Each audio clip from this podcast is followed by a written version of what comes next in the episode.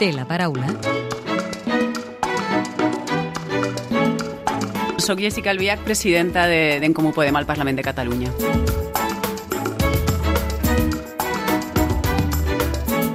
Aquesta setmana el Parlament ha aprovat definitivament els pressupostos de la Generalitat del 2023 amb el suport del seu grup i del PSC.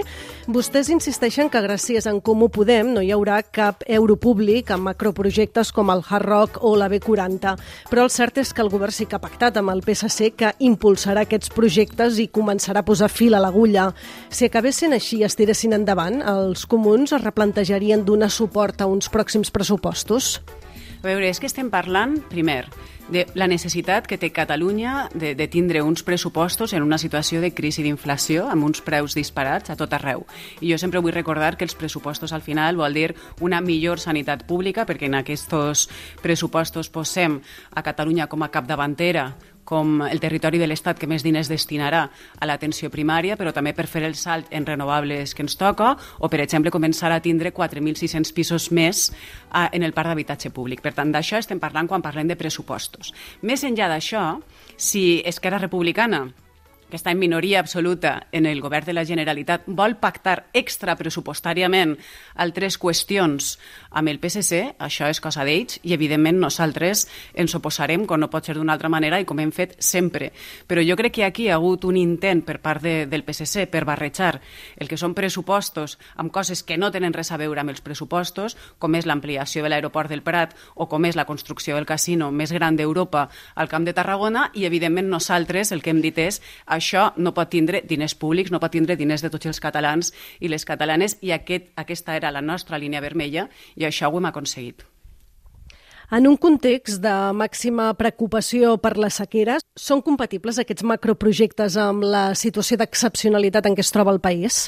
Bueno, és que aquests macroprojectes no són compatibles amb res, no és compatible amb la vida, no és compatible amb el model productiu que volem pel nostre país, perquè no volem ser només un país de sol, platja i casinos, però és que tampoc són sostenibles des del punt de vista dels recursos. Si pensem en el Hard Rock, si pensem en el casino més gran d'Europa, aquí estaríem parlant que consumiria cada any la mateixa quantitat d'aigua que una ciutat com l'Hospitalet, que té 265.000 habitants i és la segona ciutat més poblada de Catalunya. Però és que que si pensem, per exemple, en l'ampliació de l'aeroport del Prat, això serien 20 milions de turistes més cada any, a més a més dels que ja eh, venen, venen sovint. Per tant, eh, imagina't en un context, a més, de sequera greu, que no és que ho diem nosaltres, és que també ho ha decretat el govern de la Generalitat, on fins i tot perilla l'aigua de boca. Ja ens estan dient que després de l'estiu podríem tindre restriccions d'aigua de boca. Això vol dir que nosaltres, a casa nostra, quan anem a obrir l'aixeta, pot ser que tindrem hores del dia on no n'hi haurà aigua, i en aquest context encara volen portar o 20 milions més de turistes o tindre el casino més gran d'Europa que consumiria tanta aigua com l'Hospitalet. És una autèntica barbaritat. Parlant de sequera, com valora les mesures que ha adoptat el govern? Bueno, jo crec que és una bona notícia per un costat que el president estiga parlant de la celebració d'una cimera de l'aigua, perquè el que és important és que pensem que això no només va de pedaços, això va de planificar ecològicament. Per què dic això? Doncs perquè aquesta sequera que estem patint ara és més greu que la que ja vam viure al 2008. Portem més mesos, gairebé crec que són 29 mesos, sense que ploga lo suficient.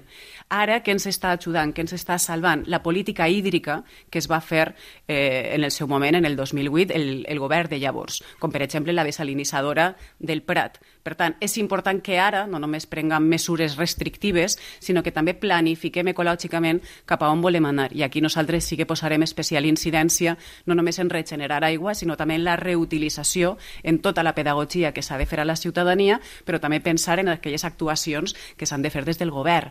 I estic pensant, per exemple, què passa amb els aqüífers de Catalunya. Set de cada deu aqüífers de Catalunya estan contaminats eh, pels purins. Per tant, aquí també s'ha de resoldre aquest tema de la contaminació. Un dels fronts que probablement s'obrirà aviat aquí al Parlament és el de Laura Borràs quan hi hagi sentència. En cas que fos inhabilitada, els comuns són partidaris de mantenir l'actual correlació de forces a la mesa de la cambra, és a dir, que la presidència continuï sempre a Junts? A veure, jo crec que, que és important també perquè de vegades tenim la memòria curta. No? Nosaltres veníem advertint que aquesta possibilitat Uh, doncs existia una vegada, ja la van nomenar fins i tot en campanya electoral, jo recordo fa dos anys que ja es parlava d'aquest tema. Per tant, evidentment, jo crec que aquí n'hi ha una responsabilitat per part dels partits que la van votar, Esquerra Republicana, però també en segona volta la CUP es va abstindre i va permetre amb els seus vots que, que la senyora Borràs fora la presidenta del Parlament quan sabíem que aquest procés estava, estava obert i que, i que es posaria en marxa mmm, quan ella era presidenta del Parlament. Per tant, jo crec que és una situació eh, que s'ha de resoldre i ho venim dient des de llavors. Eh, crec que no és una bona notícia que eh, la segona institució del nostre país estiga en funcions interines. Crec que és una situació que s'hauria de resoldre. Per tant, aquí jo crec que els partits que la van votar són els que tenen la responsabilitat i crec que és important que Esquerra Republicana eh, superi les seues contradiccions i siga clara. Per què? Perquè tenim per un costat el president Aragonès dient que ja està superat aquest pacte amb Junts per Catalunya i per un altre costat estem escoltant a la portaveu del seu partit, a la senyora Marta Vilalta, dir que ara, si la senyora Borràs és inhabilitada, s'obri una nova oportunitat per refer aquesta unitat independentista. Una unitat independentista que sí que, que sí que vull dir, fa molt de temps, te diria que fa més d'un any, que no es veu reflectida ni tan sols en les votacions del Parlament. Per tant, jo crec que és important que els partits que van fer president a Laura Borràs assumeixin la seva responsabilitat i, evidentment, li doten al país i a la segona institució del país d'una presidència amb totes les funcions.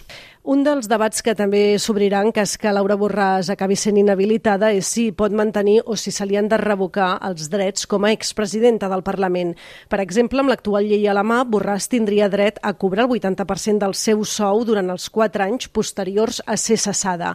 En Comú Podem ja ha anunciat que impulsarà una reforma legislativa perquè en cas de condemna per corrupció se li puguin revocar aquests drets. Confia que els altres grups eh, aprovaran i donaran suport a aquesta iniciativa? Bueno, jo crec que les, les lleis sempre s'han d'anar adequant i adaptant a les situacions. Jo crec que quan es va redactar en el seu moment el reglament, ningú pensava que, que la presidència del Parlament podria estar ostentada, ocupada per una persona que acabés sent condemnada per corrupció. Jo crec que si aquest escenari s'obri, eh, evidentment hem de tindre una eina perquè no estem parlant de qualsevol causa no? per la qual seria condemnada, estem parlant de corrupció. Crec que les persones que tenim un càrrec públic i més la segona autoritat del país hem de ser exemplars i per tant nosaltres eh, confiem en que la resta de grups així, així ho entengui. No? Jo crec que eh, i precisament perquè no siga una reforma ad hoc, jo crec que s'ha de fer de forma preventiva, de manera que tant si és eh, condemnada com si no ho és, jo crec que ja tenim un reglament que ens blinda davant de possibles casos. Aquesta reforma legislativa, eh, pel que fa al calendari, la registraran abans que surti la sentència? Aquesta, aquesta és la idea. De fet, eh, estem plantejant-nos eh, entre aquesta setmana i la vinent registrar. Si li sembla bé, ens endinsem ara ja en el terreny més personal i li demano si pot contestar ara amb respostes tan breus com sigui possible. Digui'm els dos adjectius que millor la defineixen. Exigent i autoexigent perquè és cert que, que m'agraden les coses ben fetes i, i bueno, no? sempre crec que es poden fer més coses i millor i per tant aquest seria un i després l'altre eh, sí que és cert que, que la gent quan me coneix eh, personalment sempre em diu oh, pensava que eres molt més seriosa, no? perquè clar, és normal, te veuen fent la feina d'oposició i sempre sembla que estàs emprenyada, però sempre em diu ets, ets molt més simpàtica, més riallera. Jo dic, bueno, no ho sé. Quin diputat o diputada ideologia a banda fitxaria per al seu grup? Mm, m'agrada mm, molt el, la gent Díaz, per exemple, d'Esquerra Republicana.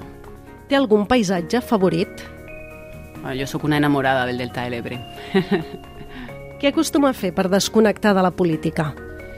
La veritat és que vaig canviant segons l'època, eh, però ara, ara estic bastant amb el dibuix. I què dibuixa, si es pot saber? Quin tipus de dibuix fa? Bueno, ara estic amb les aquarel·les. Vaig primer començar amb, amb dibuixar llapis, ara estic amb les aquarel·les, vaig a, vaig a una acadèmia, quan puc, això sí, però, però bueno, sí, sí, ara estic disfrutant molt d'això. I ja per acabar, completi aquesta frase. El que més m'agradaria del món és... Doncs uh, aquesta setmana precisament del 8 eh, m'encantaria, evidentment, voldria que s'acabaren les violències masclistes i, evidentment, que aturarem el, el feixisme. Jessica Albiach, presidenta del grup parlamentari d'en Comú Podem, gràcies per atendre'ns a l'hemicicle de Catalunya Informació. Moltes gràcies a vosaltres.